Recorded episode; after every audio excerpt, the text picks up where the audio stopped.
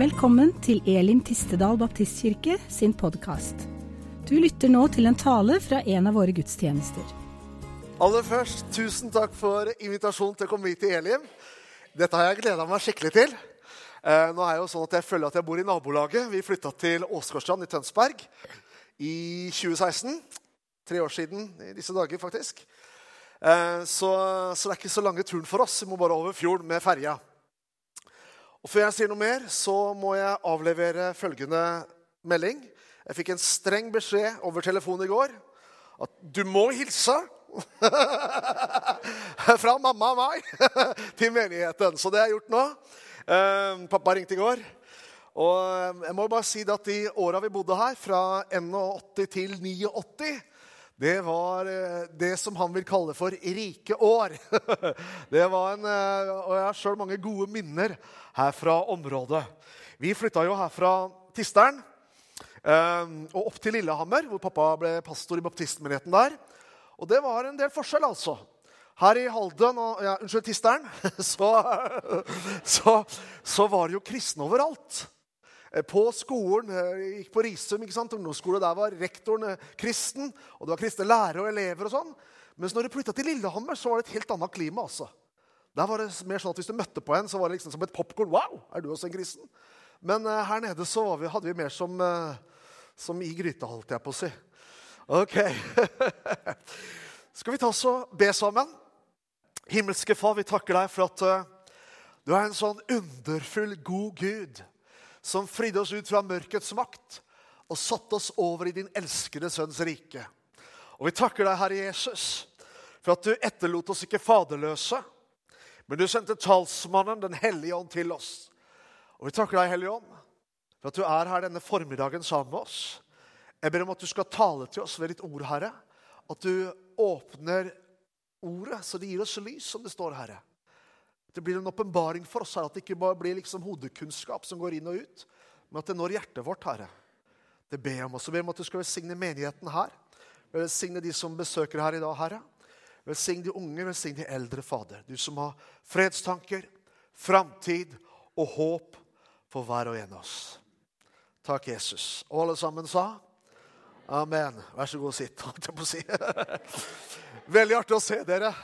Jeg holdt på å si at Dere har jo ikke forandra dere en dag, men det var vel ikke helt sant. men det var nesten sant. uh, og ja, gleder meg. Uh, jeg jo, jobber i noe som heter Internasjonale kristne ambassade i Jerusalem. Det er et langt navn, men et godt arbeid. Uh, og Det vi driver med, det er en global organisasjon, tverrkirkelig.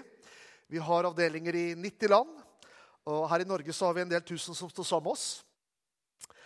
Og hva er arbeidet vårt? Hva går dette ute på? Ambassade. Det er henta fra Jesaja 40 vers 1. Så står det Trøst. Ja, trøst mitt folk. Tal vennlig til Jerusalem. Og det har vi gjort nå i 40 år, blir det neste år. Siden 1980. Eh, for det er en gang slik at eh, kirkehistoriens og Da snakker jeg ikke om katolske kirke, lutheran eller noe. Jeg snakker om oss kristne. Kirkehistoriens mørkeste kapittel det er hvordan vi har behandlet det jødiske folket. Jo mer du graver i denne historien, jo mer trist og dramatisk og til tider barbarisk er den. Tusener på tusener av jøder har eh, lidd og blitt drept. Eh, ikke tusener, hundretusener. Pga. hvordan kirken har behandlet dette folket. Og det er jo litt underlig når Jesus sier at frelsen kommer fra jødene. Og det er mange ting ved dette folket som er underlig. Fordi hvis du går til denne boka her, Bibelen Guds ord, så er Israel det navnet som er nevnt flest ganger i Bibelen etter eh, Gud og Herren. Ca. 2465 ganger er Israel nevnt i Bibelen. Og ikke bare det. Eh, Paulus han eh, skriver jo romerbrevet. Og jeg kommer i dag til å trekke på hva han skriver om i romerbrevet kapittel 11. Men når Paulus skriver romerbrevet, så jeg skal ikke si at romerbrevet er det viktigste brevet i Det nye testamentet. For det er veldig dumt å si sånn at det er det viktigste, for da setter du Guds ord opp mot Guds ord.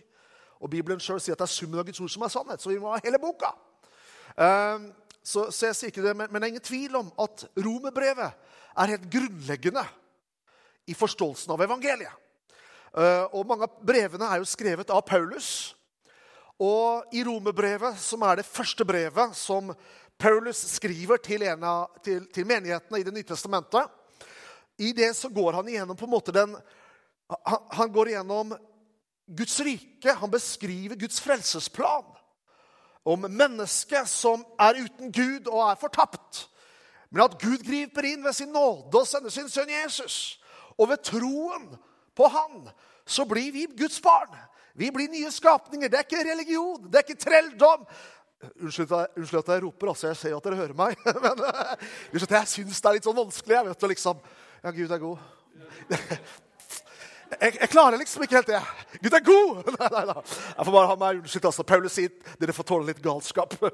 Ok, jeg kommer opp igjen.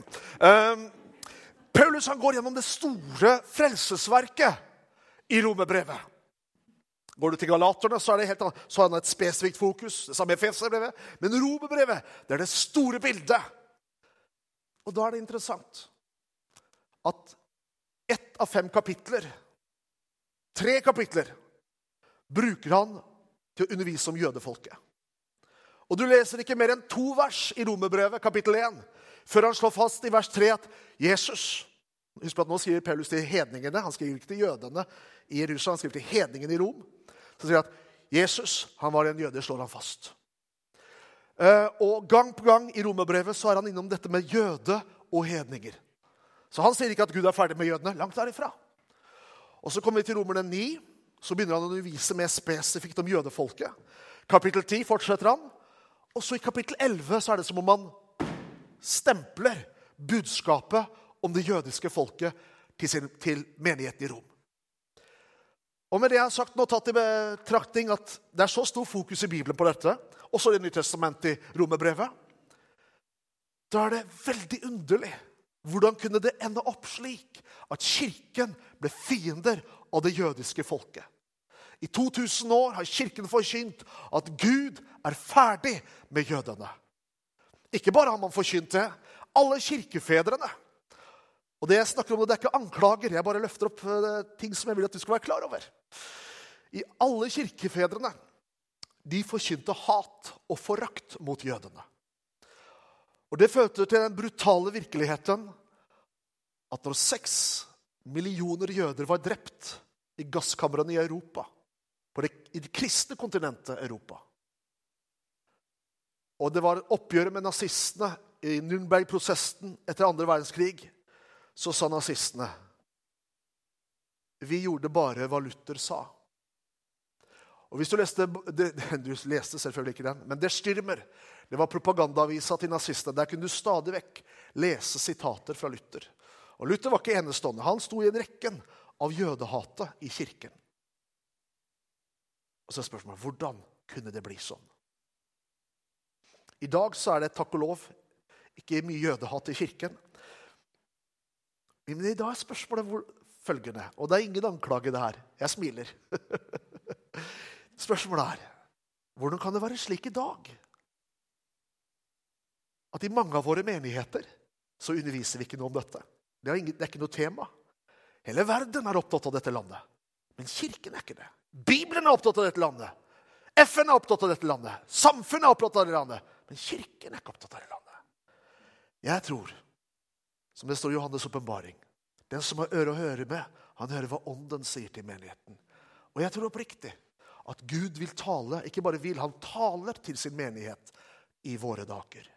Og det, skjer, det pågår ikke en transplantasjon, men det, det, pågår en forandring inn i kirken over hele verden i dag. Bokstavelig talt. Dette pågikk ikke for 100 år siden. I dag skjer det. Og hva er det? Jo, det kommer en erkjennelse inn i menigheter du finner i Afrika, du finner i Asia, du finner i Sør-Amerika, Nord-Amerika, også i Europa. Ikke så mye i Europa, men du finner i Europa. En voksen erkjennelse. Frelseren kommer fra jødene. Vi som kirke og kristne står i gjeld til dette folket. Og Det er bare litt som et utgangspunkt for å sette det jeg skal preke om, inn i en kontekst. Det er et, vi er fortsatt bare i et ord til innledningen. Neida. Ok, eh, la oss ta det store bildet. Vi durer av gårde her. Jesus han sier at frelsen kommer fra jødene. Jeg har lyst til å bare dele her nå med deg de tre store hva skal man si, elementene, enhetene, som Gud arbeider med her i verden gjennom hele historien. Frelsen kommer fra jødene. Jesus sier også i Matteus 16, vers 18.: På denne klippet vil jeg bygge min menighet. Og jeg er så glad for Jeg har vært engasjert i menighetsarbeidet siden, ja, hele livet. i og for seg, i og med at pappa, pappa var pastor, og jeg, jeg ble vel pastorisert ved 13-årsalderen, tenker jeg. Jeg har vært engasjert i menighetsliv hele veien. Og jeg er så glad for at det er ikke pastoren, det er ikke biskoper som bygger menigheten. Det er Jesus som bygger sin menighet. Og dødsrikets porter skal aldri få makt over den, står det. Derfor så ser du i Kina når forfølgelsen øker, så vokser menigheten. Du ser det i Iran. Forfølgelsen øker, men menigheten vokser enda mer. Hvorfor det? Jo, for det er kongen som bygger sin menighet. Og så sier de også Jesus i Lukas kapittel 10 vers 2.: Høsten er i sannhet stor, men arbeiderne er få. Be derfor høstens herre at han vil drive arbeidere ut til sin høst. Så du har jødefolket, du har menigheten, og du har høsten. Og hva er høsten? Jo, det er alle menneskene, alle sjelene gjennom historien som Gud bringer inn til redning for evigheten, til frelse for evigheten. Ok? Så vi kan si at Isas Gud, han er menighetens hode, og han er høstens herre. Og her er det sånn at hvis du tar bort menigheten, så blir det jo tull. Eller forvirring. Eller rot. Det blir i hvert fall galt. Tar du bort høsten og misjonsbefalingen, som er den store befalingen, opp, det store oppdraget, ja, da blir det rot da også. Det blir galt. Men det er altså også sånn at hvis du tar bort jødene, som vi som kirke har gjort i altfor mange år, og det jødiske folket og Israel, ja, da blir det forvirring da også. Det er derfor du trenger å forstå jødefolket, du trenger å forstå menigheten, og du trenger å forstå visjonen om høsten. Og Gud, han er herre over alle disse tre områdene. Det betyr ikke at alt jødene gjør, er Guds vilje, like lite som alt menigheten gjør, er Guds vilje. Det er ikke det det handler om. Men Gud virker gjennom sin menighet. Han virker gjennom jødefolket. Hvorfor? For å bringe høsten inn. Det her er det store bildet. Og Da er det mye enklere å forstå når vi begynner å snakke om dette med Israel og det jødiske folket. I Romerbrevet kapittel 11 og vers 1 så stiller Paulus følgende spørsmål. Har Gud forkastet sitt folk, sier han. Og så sier han på ingen måte. Og her er det veldig forsiktig oversatt. Er veldig diplomatisk. Men dette ordet 'på ingen måte' her, det er det sterkeste uttrykket du finner i Det nye testamentet. Det er noe sånn som Har Gud forkastet sitt folk? Er du gæren? Det er med på det planet Paulus skriver her. Og så sier han, 'Jeg er jo også en israelitt av Abrahams slekt og Benjamins stamme.' Og så sier han, 'Gud har ikke forkastet sitt folk. Og det er forunderlig, Hvorfor stiller Paulus dette spørsmålet? Det er som om Paulus fornemmer hva som er på vei fra Rom seinere. Hva som er på vei fra kirken i tida som skal komme. Hvor nettopp kirken kom til å forkynne at Gud har forkastet jødefolket. De korsfestet Jesus, og da ble Gud ferdig med dem. Og nå er det vi som er den nye Israel. Det er det som kalles for erstatningsteologi. Og den er delvis sann. Det er en halv sannhet i det. Vi er Guds folk. Vi har fått del i Abrahams løfter. Vi er det åndelige Israel, det er sant. Men Gud er ikke ferdig med jødefolket.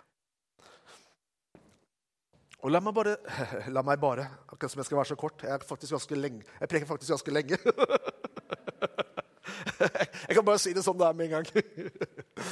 Eh, la oss bare se på utvelgelsen av det jødiske folket før vi går videre til romerbrevet. Så vi er enige om liksom, når det begynte der, hva handlet om. For ofte så er det sånn, og jeg har sett teologer skrive om dette her, at jødene ble Guds folk når de tok imot loven ved Sinai. Ved, lov, ved, ved Sinai-pakten. Da ble jødene Guds folk, sier man.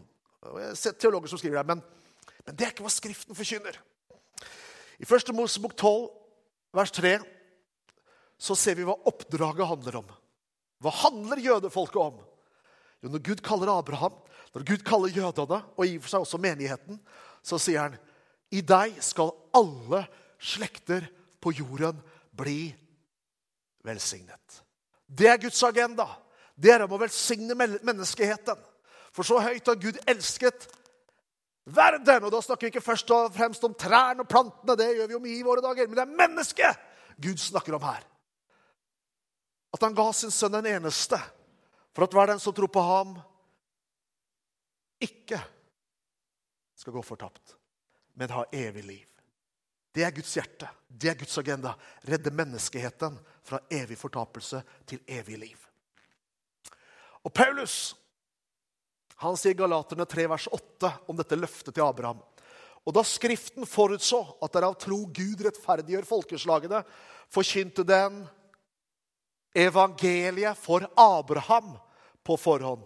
I deg skal alle folkeslag bli velsignet. Og, og Hvorfor løfter vi fram det her? Jo, det Paulus slår fast her, fra jødene ble utvalgt, helt fra begynnelsen av, så var frelsen, så var evangeliet kjernen i oppdraget. Det var ikke bare for at han trengte et folk, et land, som skulle være det hellige land. Nei, det var for at han ville bringe frelse og redning til menneskeheten. Det er hva menigheten handler om. Men det er først og fremst det Israel handler om, fordi frelsen kommer fra jødene. Og I samme Galaterbrevet kapittel 3 jeg hopper litt videre her, så står det i vers 17 Nei da, det skal vi se, nå hopper jeg litt for fort her. Galaterne 3, vers 17, så står det sier Paulus. Jeg sier da dette. Den pakten som tidligere var stadfestet av Gud med sikte på Kristus, kan ikke loven, som kom 430 år senere, gjøre ugyldig, så den setter løftet ut av kraft. Her snakker Paulus om en pakt som kom før loven, og som loven ikke kunne endre på. Den kunne ikke endre på den pakten som allerede var kommet. Og da er spørsmålet Hvilken pakt er det som kom før loven, og som loven, når den kom, ikke kunne gjøre noe med? Jo, det er pakten du leser om i 1. Mosebok kapittel 15. Og vi skal ikke ta tid til å lese det nå. Du kan lese det i kveld når du legger deg, eller til middags ved middagsbordet. Så I 1. Mosebok 15 så står det om Gud som taler med Abraham. Og I det kapitlet så står det at Abraham trodde Gud, og det ble regnet ham til rettferdighet. Og Så leste vi videre at Gud ber Abraham finne noen dyr. En tre år gammel kvige og noen flere dyr. Og Så står det at Abraham han skar over dyrene. Og Så la den ene halvdelen der, og så la han den andre halvdelen der. Sånn som du ser på bildet her. Og Abraham forsto med en gang hva som nå var på gang. For det, det man gjorde her, det, det, som ble forberedt her, det var at en pakt skulle inngås. Og jeg må forklare, for De fleste kjenner jo ikke til denne historien her, og denne delen av boka. Men på denne tiden så kunne f.eks. to stammehøvdinger inngå en pakt med hverandre. Og Da tok man disse dyrene, skar dem i to. ene halvdelen og der, og den andre halvdelen og der. Og så gikk disse to høvdingene mellom disse døde dyrene. Og så uttalte de pakten mens de gikk imellom dyra. Det kunne være en forsvarspakt, at vi skal forsvare hverandre osv. Men poenget er det som lå i denne pakten, det var at den av oss som bryter denne pakten, han må dø. Det var det som lå i denne pakten. Den som bryter denne pakten, han må dø. Og det er dette Gud forbereder her. Han ber Abraham legge ut disse dyra. Men når du leser boka, så står det at det kom en dyp søvn over Abraham. Vi, mange ting vi kunne sagt om den, den, det kapitlet der. Men så står det at det for en ilds, altså flammer av ild for fram mellom disse stykkene på den dagen. Og så står det på den dagen inngikk Herren en pakt med Abraham. Og hva så? Jo, det som var spesielt her, det var at det var ikke Abraham, det var ikke jødefolket som inngikk en pakt med Gud. Men det var Gud ensidig som inngikk en pakt med jødene. Og hva ligger i det? Jo, jødene kan ikke bryte pakten. For de har aldri inngått den pakten. Det er bare Gud som kan bryte pakten med det jødiske folket. Og det kan han ikke. For hvis han gjør det, så må han dø. Ja, Men det skjer jo ikke. Nei, det har du helt rett i. Det kommer aldri til å skje.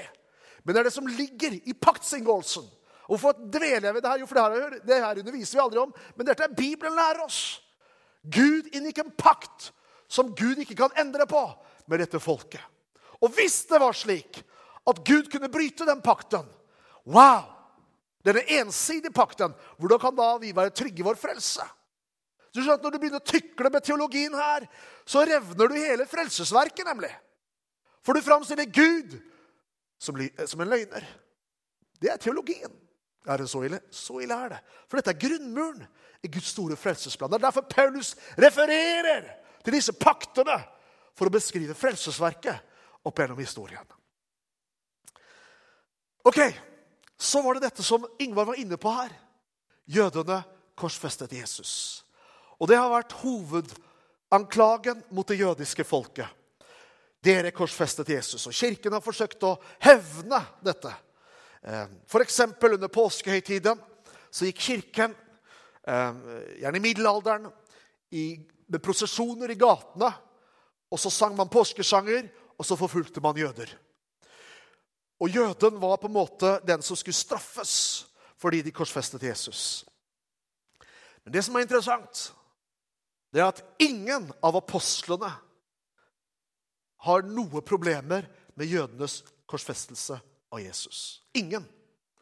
Peter, Hvis du leser Peter, Peters tale i Apostels gjerning kapittel 3, så er det ingen anklager overhodet. Han sier tvert imot at på denne måten har Gud oppfylt, sier han, hva profetene talte om.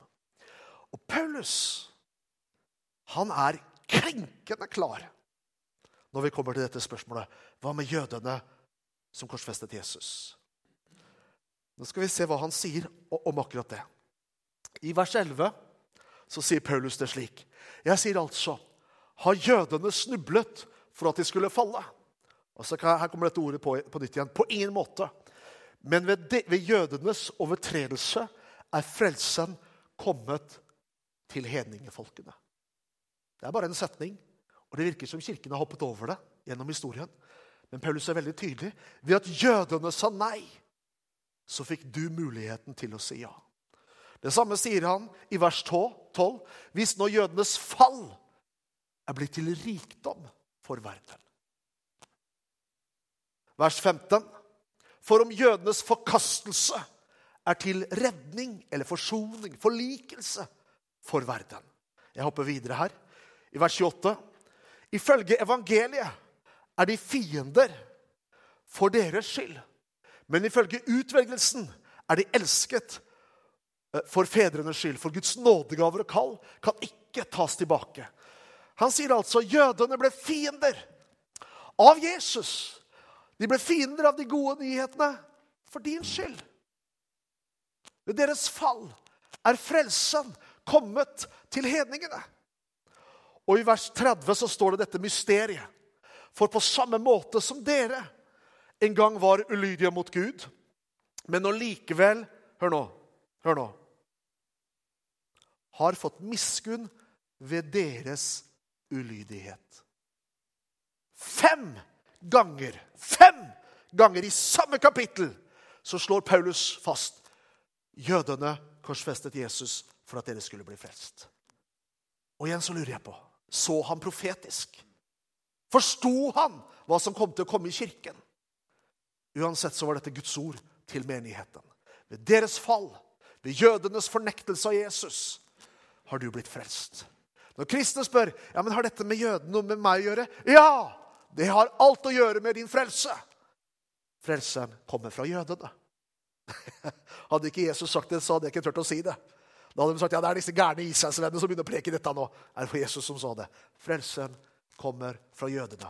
Og Paulus han forklarer hvordan denne frelsen ble gitt til det jødiske folket. I Mosebøkene så står det at jødefolket er et folk av konger og prester. Og hva var det presten gjorde i den gamle pakt? Han sto ikke på en prekestol. Uh, men han, fra, han kom fram for Gud i tabernakelet og i tempelet med ulike offer. Det var takkoffer, fredsoffer, soneoffer, skyldoffer, syndoffer. Som presten bar fram på vegne av folket. Det var jo ikke folket som gikk inn og gjorde det der. Det var prestene som gjorde dette på vegne av folket. Ok? På samme måte så ble det jødiske folket en prest for verdens befolkning, for, for, for menneskeheten, når de bar fram Jesus og de ropte 'Korsfest, korsfest'. Du skjønner at om jødene hadde tatt imot ham som Messias og som konge, så hadde de alle vært fortapt. Men ved deres soneoffer så ble vi frelst. Så fikk vi tilgang til evig liv. Ved deres fall, ved deres ulydighet, har vi fått frelsen. Og når du begynner å dvele litt rundt det her, så kan du jo tenke litt på Wow! Hvilken pris de har betalt for at jeg skulle bli frelst. Ofte så sier jeg at frelsen er gratis. Det er både sant og det er feil. For Jesus så var den ikke gratis. Og den var heller ikke gratis for det jødiske folket. Og Det er dette Paulus bygger på når vi taler videre i romerbrevet, som vi skal se på etterpå. At vi har fått del i deres åndelige goder. Så om jødene angår deg, ja, det gjør det. De er redskapet som Gud har brukt for at du og jeg skulle bli frelst. Gjennom det folket så er familien min frelst. Vi har fått del i evig liv. Og Det er perspektivet som Paulus forsøker å nagle når han skriver til menigheten i Rom. Men det er nesten gått 2000 år før de har begynt å komme inn i forsamlingen. Og Paulus, når han underviser i Romerbrevet 11, så, så åpenbarer han Han på en måte åpner Skriftene, åpner Guds frelsesplan. Men han også advarer mot menigheten. Han, han, ikke mot menigheten, det gjør han ikke. Han advarer menigheten. Og I vers 17 i Romerne 11 så står det Og om noen av grenene ble brukket av, og du som var av et vilt oliventre, ble innpodet blant dem, og sammen med dem fikk del i roten og sevjen fra oliventreet, så ros deg ikke overfor grenene. Men dersom de roser deg, så husk at det er ikke du og hvem er du? Jo, det er jo kirken det er snakk om her. Menigheten. Det er ikke du som bærer roten, men det er roten som bærer deg. Hva er det Paulus sier? Er det liksom bare, er det, er det liksom bare billedspråk? Hva er det han sier? Jo, han slår fast at det er ikke kirken som er bærer av det opprinnelige Guds rike. Vi har fått del i det. Vi har blitt ambassadører. Men det er ikke vi som bærer det. Det er utvelgelsen av det jødiske folket. Det sier han ikke eksplisitt, men det er hva jeg tror. i konteksten her. Det er pakten med jødefolket. De er fedrene. Eh, det står det også, at de, de, dem tilhører fedrene. står det. Eh, de er begynnelsen, de er grunnmuren i Guds frelsesplan. Og den pakten Gud inngikk med jødene, der blir de utvalgt som et folk. Og han handler med dem og gjennom dem gjennom historien. På en måte som han ikke gjør med noen annen etnisk gruppe eller folk. Du leser ikke i Bibelen 'Han er Sveriges Gud'. Og alt folket sa Og det står ikke at han er Libanons gud. Det står ikke at han er Egypts gud. Men han er, han har kalt seg selv ved Israels gud. Han er Israels gud. Han har kalt sitt navn ved dette folket. Han har åpenbart seg for verden ved dette folket. De har blitt hans mikrofon til en menneskehet og til en verden som ligger i det onde. Og her advarer Gud menigheten mot arroganse. I historien så har det vært hat. I våre dager så er det ikke som jeg sier, takk og lov, så er det ikke mye hat i kirken mot det jødiske folket. Men det er kanskje arroganse.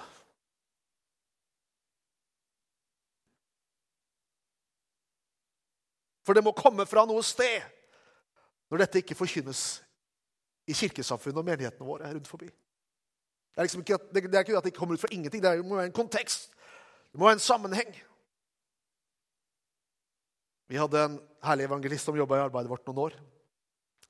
Og Han fortalte det Han har reist veldig mye rundt da, før han, før han også reiste med oss en periode. Så var det en mann fra en pastor fra et sted i Norge, jeg bruker å si hvor. Jeg kan si at det var ikke Tisteren. ikke han heller. Og så, og så sier denne pastoren ja, du må komme og besøke oss. Kom og preke hos oss. Bare ikke et ord om Israel. Hva er det?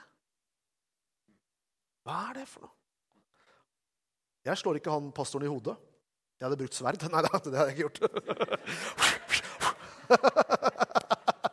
Nei, nei, nei, langt derifra. Men jeg bare stiller spørsmålet. Hva er det? Og hvorfor er det sånn?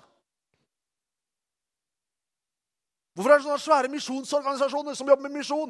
Hvorfor på en måte ser man bort fra dette folket? Hva er det? Når Skriften sier så overveldende mye. I dag så vokser det opp en generasjon av barn, av unge, ungdommer, unge voksne. Min generasjon Unge. Jeg begynner å bli gammel, så det er det som er sannheten.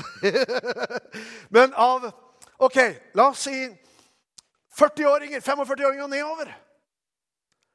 Som ikke aldri hører noe undervisning om disse tingene. Og det eneste de hører, er hva verden sier om dette folket. For den, verden har noe å si. Eller sjelefienden har noe å si om dette folket. Fordi de, han vet at dette folket her, det er Guds redskap. Og Gud er ikke ferdig med dem. Om noen av oss kristne tenker at Gud er ferdig med jødene, så tror ikke djevelen det. for å si det rett ut. Han vet at når dette folket begynner å komme tilbake til landet sitt, da begynner han å få dårlig tid. Personlig så tror jeg Kanskje jeg tar feil, men det er veldig sjelden at jeg gjør. Jeg bare tuller. Hvis ikke du liker det jeg preker, så kommer du til å sitere akkurat det jeg sier. Det sa han!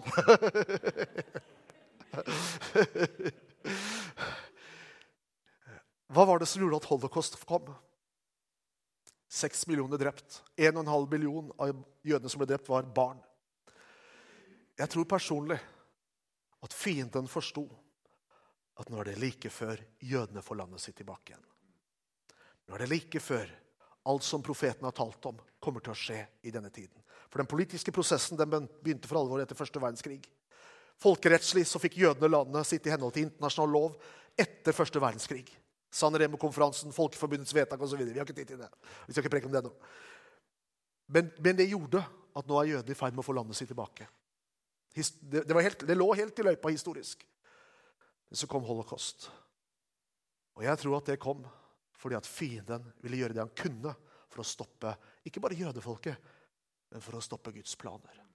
For det er noe som skjer når dette folket kommer tilbake igjen. Ikke bare at Bibelen bevises å være sann, ikke bare at Gud holder sine løfter, men det har med de neste stegene i Guds frelsesplan her i verden. Og Paulus han, eh, han løfter også denne siden fram. Han sier ikke spesifikt at jødene kommer tilbake igjen. Ja, Hvorfor sier han ikke det? Nei, Fordi alle profetene forteller det. Moses sa det før de kom inn i landet. Jesaja sa det. Esekiel sa det. Jeremia sa det. Daniel sa det. Amos sa det. De sa det alle sammen. I større eller mindre grad. At en dag så skal Gud hente jødefolket tilbake til landet sitt. Og vet du hva? Det har aldri skjedd i historien. Aldri. At en, gruppe, eh, at en etnisk gruppe, at et folk, har blitt spredd ut fra landet sitt blant andre nasjoner, for så 100, 200, 300 år, 400 år, 2000 år senere kommer de tilbake igjen. Aldri skjedd! Men det skjer i våre dager. Det er fantastisk. Og det er jo ikke noe annet enn bare et mektig bevis på at Bibelen er sann. Spurgeon på 1800-tallet, en av de store høvdingene i Guds rike, han forkynte at jødene kommer til å få sitt land tilbake. Brødrene Wesley i metodistvekkelsen i Storbritannia på 1700-tallet de skrev sanger om at Gud kommer til å hente jødene tilbake til Sion. Hvorfor? Hvorfor? Fordi profetene talte om det. De visste det. At Guds ord sier det, og det kommer til å skje. I dag så skjer det rett foran øya våre. Og I forbindelse med det så har Paulus noe på hjertet som er veldig herlige, oppmuntrende, inspirerende nyheter. For han sier i vers 12.: Hvis nå jødenes fall er blitt til en rikdom for verden, og deres fåtall til en rikdom for hedningefolkene, så sier han Hvor mye mer da deres fylde. Hva mener han her? Hvilken fylde er det han snakker om? Jo, han snakker om en fylde, åpenbart, at jødene skal bli frelst. Hvis deres fall, sier han, ble til velsignelse, så sier han hvor mye mer at når de da tar imot, altså deres fylde. Og det ordet der forstår jeg ikke intellektuelt. Det er vanskelig å skjønne det ordet der rasjonelt. For hva er det han sier? Han har jo akkurat forklart at ved deres fall så har verden fått frelsen. Det har han jo akkurat sagt i verset før. vers 11. Men så sier han hvor mye mer da jødenes fylde? Vers 15. For om deres antagelse, unnskyld, for om deres forkastelse er til for redning, forsoning for verden, hva vil da jødenes antagelse være, altså at de tar imot, om ikke liv av døde? I vers 25 så sier han, for jeg vil ikke, brødre, jeg vil ikke menighet, at dere skal være uvitende om denne hemmeligheten, så dere ikke skal være her kommer det igjen ikke være kloke i egne øyne. Nemlig at forherdelse har rammet en del av Israel inntil fylden av hedningefolkene er kommet inn. Og kort oversatt, eller ikke oversatt, men kort beskrevet så er det sånn at vi lever i nådens tidsalder. Misjonsbefalingen gjelder. Evangeliet går ut, og Skriften sier at evangeliet, eller, eh, eh, evangeliet skal bli forkynt for alle stammer og tungemål, og så skal hen komme. Her sier Paulus at det er en forherdelse over jødefolket. Inntil hedningene er kommet inn. Og Da er det noe som kommer til å skje åndelig med det jødiske folket. Det ser allerede ut som om det er noe som skjer med dem i Israel i våre dager. Når det gjelder Jesus og frelse. Men Paulus sier at denne forherdelsen den varer inntil eh, hedningene er kommet inn. Og så sier han i vers 26.: Og slik skal hele Israel bli frelst. Som det står skrevet, utfrieren skal komme fra Sion, og han skal vende ugudelighet bort fra Jakob. Hva betyr det? Hva betyr dette ordet 'og slik skal hele Israel bli frelst'? Hva betyr det? Jo, det betyr akkurat som det står. At slik skal hele Israel bli frelst. Det løftet fins ikke for noen nasjon på denne planeten. Det er bare dette folket som har et løfte om at hele nasjonen skal bli frelst. Ja, er det mulig, da? Ja, for han er det mulig. Alt er mulig for Gud. Og Det var dette profetene talte om. Når dere kommer tilbake til landet, så skal han ta ut steinhjertet, og han skal gi dem et kjødhjerte i stedet. Han skal gi dem sin ånd i deres indre. Han skal stenke rent vann på dem. Profeten Zakaria sier at de og hvem er de? Jerusalems innbyggere. det jødiske folket. De skal se opp til ham som de har gjennomstunget. Og de skal gråte over Jesus. Det står ikke det i profeten. De skal gråte over ham liksom en gråter over en førstefødt. Poenget er Bibelen er så klar. Paulus han er klinkende klar. Du må ikke liksom lese deg fram til noe. Dette folket kommer til å bli frelst. Og hvis det er slik at Gud henter dette folket tilbake til Israel i våre dager, og målet er at de skal bli frelst. Da må jo vi være involvert som kristne. Og Vi i den kristne ambassaden vi har siden 1980 vært med å hjelpe 145 000 jøder tilbake til Israel. Vi har, I Israel er det over 200 000 jøder som er holocaust-overlevende. Om noen år er de borte alle sammen, for de begynner å bli gamle, mange av dem. 30% av disse holocaust-overlevende lever under fattigdomsgrensen. Og Da forsøker vi å gi et hjem til 70-80 av de fattigste blant dem. Er vi med å finansiere et hjem for, oss, for, for i Haifa, eh, som heter Haifa Home. Hvor vi gir dem en verdig alderdom. Alderdom. Jeg husker en av, kvinnene, en av disse som bor der, som jeg møtte. Hun sa det. Det var først når jeg kom hit, at jeg møtte kjærlighet. Og jeg har tenkt Kjære Gud, kjære Gud. Tenk om kirken i Europa, som svikta noe så kolossalt når jødene ble utsletta, forsøkt utsletta. Tenk om kirken i Europa i 2019 kunne sagt at vi gir for å hjelpe disse fattige jødene. Vi, vi svikta i deres barndom, men vi skal gjøre hva vi kan i dag. Men i det store og hele så er ikke Kirken opptatt av det.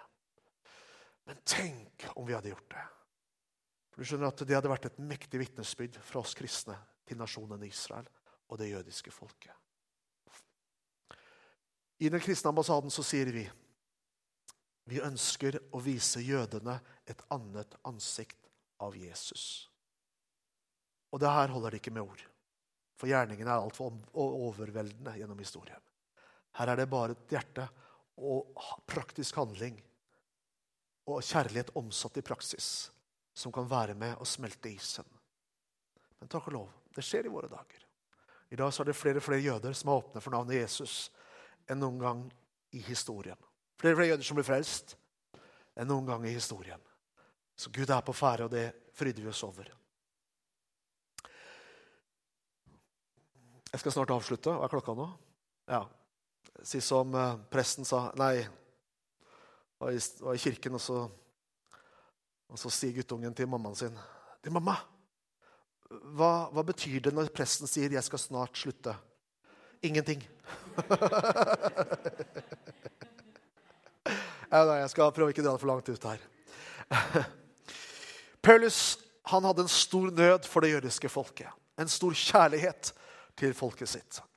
Han hadde en sånn nød som jeg ikke har hørt noen evangelist, ikke har hørt noen predikant ta for noen eh, gruppe i hele tatt. Men Paulus han sa det. At jeg kunne vært forbannet bort fra Kristus, eller fra Messias, som han sa, for mine landsmenn, jødenes skyld. Altså Han sier at jeg kunne gått fortapt, eller han sier rett ut jeg kunne gått til helvete hvis bare jødene hadde blitt frelst. Så det var åpenbart at han hadde kjærlighet til dette folket. Like fullt så gikk han til hedningene. Men eh, det kan jo hende at Paulus, når han sitter og fører Guds ord i pennen, eller når han taler ut Guds ord, og det blir skrevet ned, så kan det hende at han lurer på, når han kommer til avslutningen av kapittel 11 Når vi kommer til kapittel 12, så er det et helt nytt budskap han kommer med. Men når han avslutter kapittel 11, så kan det jo hende at Paulus stiller følgende spørsmål til Gud. Om han ikke stilte det, så kanskje han tenkte det. Hvorfor, Gud? Hvorfor måtte mitt folk, ditt eiendomsfolk, ditt paktsfolk, forblindes og gå feil for at verden skulle bli frelst? Jeg vet jo ikke. Jeg skal spørre Paulus en dag jeg møter han. Men jeg tror at han slet med de tankene der. Ikke slet. Jeg tror det var hos han. Jeg tror han lurte på hvorfor Gud, du som er allmektig, som har all makt i himmelen, hvorfor måtte mitt folk fornekte frelseren, forherdes, for at tisterlingene skulle bli frelst? I hvert fall så avslutter Paulus undervisningen om jødene på følgende måte. Han avslutter med en lovprisning, og så sier han det slik. Og hvilken dybde av rikdom og visdom og kunnskap hos Gud. Hvor uransakelig hans dommer er, og hvor uutgrunnelig hans veier. For hvem har kjent Herren sin, eller hvem var hans rådgiver? Eller hvem har først gitt noe til ham, så han skulle få gjengjeld? Og så sier han det sånn. For av ham, ved ham, til ham er alle ting. Ham være ære i all evighet. Amen. Og Der avslutter undervisningen, den sammenhengende undervisningen om jødene. Og Hva er det han gjør? Jo, han bare gir Gud. Du har rett, Gud. Du gjør som du vil. Du er suveren. Ingen av oss noe, eh, var dine rådgivere. Og så sier han at av ham, ved ham og til ham er alle ting. Og det er jo det han konkluderer med. Dette folket eksisterer for Guds rikes skyld. Det er det samme som apostelen Jakob sier i apostelmøtet eh, i eh, Apostelens gjerning kapittel 15. Så sier han at Gud fra begynnelsen av valgte seg ut et folk for sitt navns skyld. Og hvem er dette folket? Jo, det er jødene. Hvem er dette navnet? Det er navnet Jesus. Uten jødene hadde ikke du hatt en bibel. Eller jeg får sitere Philip, min gode sønn og medarbeider. Han var på en ungdomskonferanse det er en del år siden nå. og Jeg bør ikke si hvor det var, eller hvem det var, eller hva det var. Men så sitter han og prater med en ung mann. Jeg vet ikke om han var ungdomsleder, men en ung mann. Og så sier denne de prater, Jeg tror de prater om vekkelse og ting som skjer. og de, de, Jeg tror det var en happy samtale. Men så spør Philip eh, men hva tenker du om jødene. Og så svarer denne eh, voksne ungdommen eller unge mannen Ja, nå er det ikke det vi skal være opptatt av. Nå er det å bygge menighet eller bygge kirke og få se at folk blir frelst. Men Philip han hadde jo hørt på pappaen sin. Og alt folket sa Nei da. Nei, da. Hadde på, Philip hadde hørt på pappaen sin. Så han sa ja, men du vet vel det, sånn, at uh, uten jødene så hadde ikke profetene blitt født, apostlene, Bibelen hadde ikke blitt skrevet. Og Jesus hadde ikke blitt født, og du hadde ikke vært frelst. Og så svarer denne unge mannen eh, da hadde Gud gjort det på en annen måte. Og så svarte Philip kontant ja, nå gjorde han ikke det. Og det er akkurat det som er saken. Uten det folket her hadde vi alle vært fortapt. Og i Det siste ordet jeg skal dele med deg, det er Romerne 15. og Det er dette som er Paulus sitt perspektiv når det gjelder vårt kall til å velsigne det jødiske folket. Her tar han inn en kollekt, og i vers 25 så står det Men nå drar jeg til Jerusalem for å tjene de hellige, for de fra Makedonia og Kaia hadde et stort ønske om å gi en gave til de fattige blant de hellige som er i Jerusalem. Og så sier han ja, dette vil de svært gjerne gjøre. Og så kommer det. Og de står også i gjeld til dem. For dersom hedningefolkene har fått del i jødenes åndelige goder, da er det også hedningenes plikt å tjene jødene med de materielle goder. Det er ganske interessant. Paulus sier ikke ja, nå skal dere velsigne jødene i Jerusalem. Og så skal dere bli velsigna, for det står at jeg vil velsigne den som velsigner deg, og forbanne den som forbanner deg. Han sier ikke det! Han sier ikke 'gi en kollekt nå, så skal du bli velsigna'. Nei, nei, nei. Han går rett på, han. Folkens, dere står i gjeld til dette folket. Og Han går enda videre. Han sier at dere plikter å tjene dem med det timelige. Hvorfor forsvant det i våre kirkesamfunn? Jeg har aldri nesten hørt noe kirkesamfunn som løfter opp det. Jeg har møtt menigheter rundt omkring som har det perspektivet. Vi står i gjeld, og vi må velsigne. Men det er hva Paulus sier. Du og jeg vi står i gjeld til dette folket. Hvis du tror at dette med Israel handler først og fremst om politikk, så har du rett i det at det er mye politikk. Men ikke først og fremst. Først og fremst så handler dette folket og denne nasjonen om Guds rike, Guds planer og Guds agenda her i verden. Og Det står i profeten Esekiel, kapittel 36, at folkeslagene skal kjenne at jeg er Herren når jeg åpenbarer min herlighet og hellighet over det jødiske folket, over Israel. Det er derfor det er så mye furore rundt denne nasjonen, venner. Jeg har vært mange ganger i Israel. Det er et land som er mindre enn Hedmark fylke. FN er mer opptatt av dette landet enn noe annet land i verden. Det handler ikke om landegrenser. Det handler ikke om politikk. Det handler ikke om internasjonale lover eller menneskerettigheter. For dette landet er det eneste demokratiet i hele Midtøsten.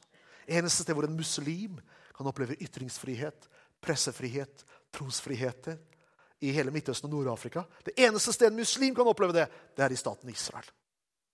Eh, det hører ikke du om på NRK og Dagsrevyen osv., men det er virkeligheten. Undersøkelser viser det kom fram i Aftenposten for en tid tilbake, at de jødiske statsborgerne i Israel er mer fornøyd med livet enn de jødiske. De har skapt en oase for jøder, arabere, kristne, druser, muslimer, eh, tsjekkessere osv. som bor i området. Like fullt er hele verden Det landet skal man boikotte. Når LO, av alle ting som skal være opptatt av arbeidstakernes eh, kår, skal boikotte ett land i verden, så er det ikke Iran, Saudi-Arabia, Kina som okkuperer Tibet, det er Marokko som okkuperer Øst-Sahara, eller Tyrkia som okkuperer Nord-Kypros. Nei, det er landet Israel. Du skjønner at Dette er ikke rasjonell politikk. Det er en åndelig krig som pågår. Og I den kampen så kaller Gud sin menighet til ikke å være taus. For på dine murer, Jerusalem, står det, har jeg satt vektere. De skal ikke tie verken dag eller natt. Dere som minner Herren, og det er jo menigheten som ber, gi ham ingen ro før han gjenreiser Jerusalem og gjør den til en opprisning på jorden. Kunne du spilt litt, eller, eh, Hege? Kanskje vi skulle ta avslutta med en sang? Eller jeg skal ikke avslutte møtet, det er jo du som gjør, Yngvar. Men, eh, men, kanskje vi kunne reise oss opp. Så kan du bare spille litt, og så, og så har du en sang på gang. Og så, og så kan vi be sammen. Og eh, mitt ansvar er ikke hva du gjør med det jeg har delt med deg i dag. For det er ditt ansvar. Eh, men jeg tror oppriktig at Gud kaller oss alle sammen til å være en velsignelse for Israel. Midt i en verden som håner og spotter dette folket. Du skjønner at Jeg har vært i Israel mange ganger. I fjor så hadde vi med oss 140 stykker nedover på Løvehyttefesten, hvor vi samler 5000-6000 kristne fra nesten 100 nasjoner. Og um, når vi er der nede, og vi snakker med jødene, så kommer alltid et spørsmål opp. Hvorfor er dere her? Det kommer alltid opp. Hvorfor er dere her? Og så sier vi vi er her for vi er glad i dere. Vi tror at dere er Guds folk. Vi vet at vi kristne har gjort mye vondt, men vi elsker dere. Og vi ber for dere. Og vi hjelper jødene hjem til landet deres. Sånn. Nesten uten unntak. Nesten uten unntak så blir folk berørt. Og veldig ofte begynner de å gråte. For et par år siden, nei, noen år siden så var vi med på noe som het Jerusalem-marsjen i Israel. Tusen av kristne som feirer at jødene har fått Jerusalem, sammen med titusener av jøder. Og det er en love story som pågår i gata der. Hvor kristne kommer og sier 'We love you', 'God bless you', 'Shalom'. og jødene roper 'Thank you', 'Thank you', 'God bless you'. Og Vi hadde med kamera ned der, og så var det en av våre ansatte som intervjua noen tenåringer. Jeg snakker ikke om de som overlevde holocaust. Det var noen tenåringer. Det var noen jenter på 14-15-16-årsalderen. Og så, og så intervjuer vi dem, og så spurte vi hva, hva tenker du om at vi er her. Og så svarte en av jentene hele verden hater oss. Men så sa hun But here we feel love. Her føler, føler vi kjærlighet.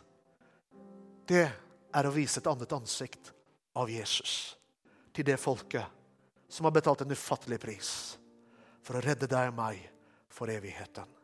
Vi står alle i gjeld til dette folket. Himmelske Far, vi takker deg for at du er en god Gud som elsker oss alle sammen. Du elsker jødene, og du elsker arabere. Du elsker oss kristne. Du elsker muslimene, Herre. Å, vi bare takker deg for at du er en kjærlig Gud. Du er en barmhjertig Gud. Du er nådefull, og du er rik på godhet og miskunnhet, Fader. Her denne formiddagen så erkjenner vi at frelsen kommer fra ditt folk, det jødiske folket, Herre. Vi erkjenner at du er ikke ferdig med dem, Herre. Og vi erkjenner at vi står i gjeld, hver enkelt. Gud, gi oss nåde som enkeltpersoner. Gi oss nåde som menighet og menigheter til aktivt å være en velsignelse. Være en trøst. Være en mild hånd i en tid av fiendskap og hat for dette folket. Å Gud, gi oss nåde til å være dine ambassadører, Jesus, i møte med dine egne brødre. For vi vet at den dagen snart kommer. Da er du akkurat som Josef åpenbarte deg for, dine, sine, for sine egne brødre, så kommer du, Jesus, til å åpenbare deg for det jødiske folket. Og slik kommer hele Israel til å bli frelst. Og det kommer til å bli som liv av døde. Hvor mye mer når de tar imot? Vi bare priser deg, Gud, for dine vidunderlige planer.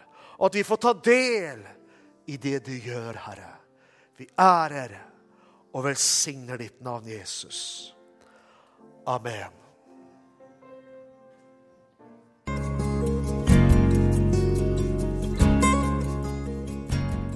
Takk for at du lyttet til denne talen.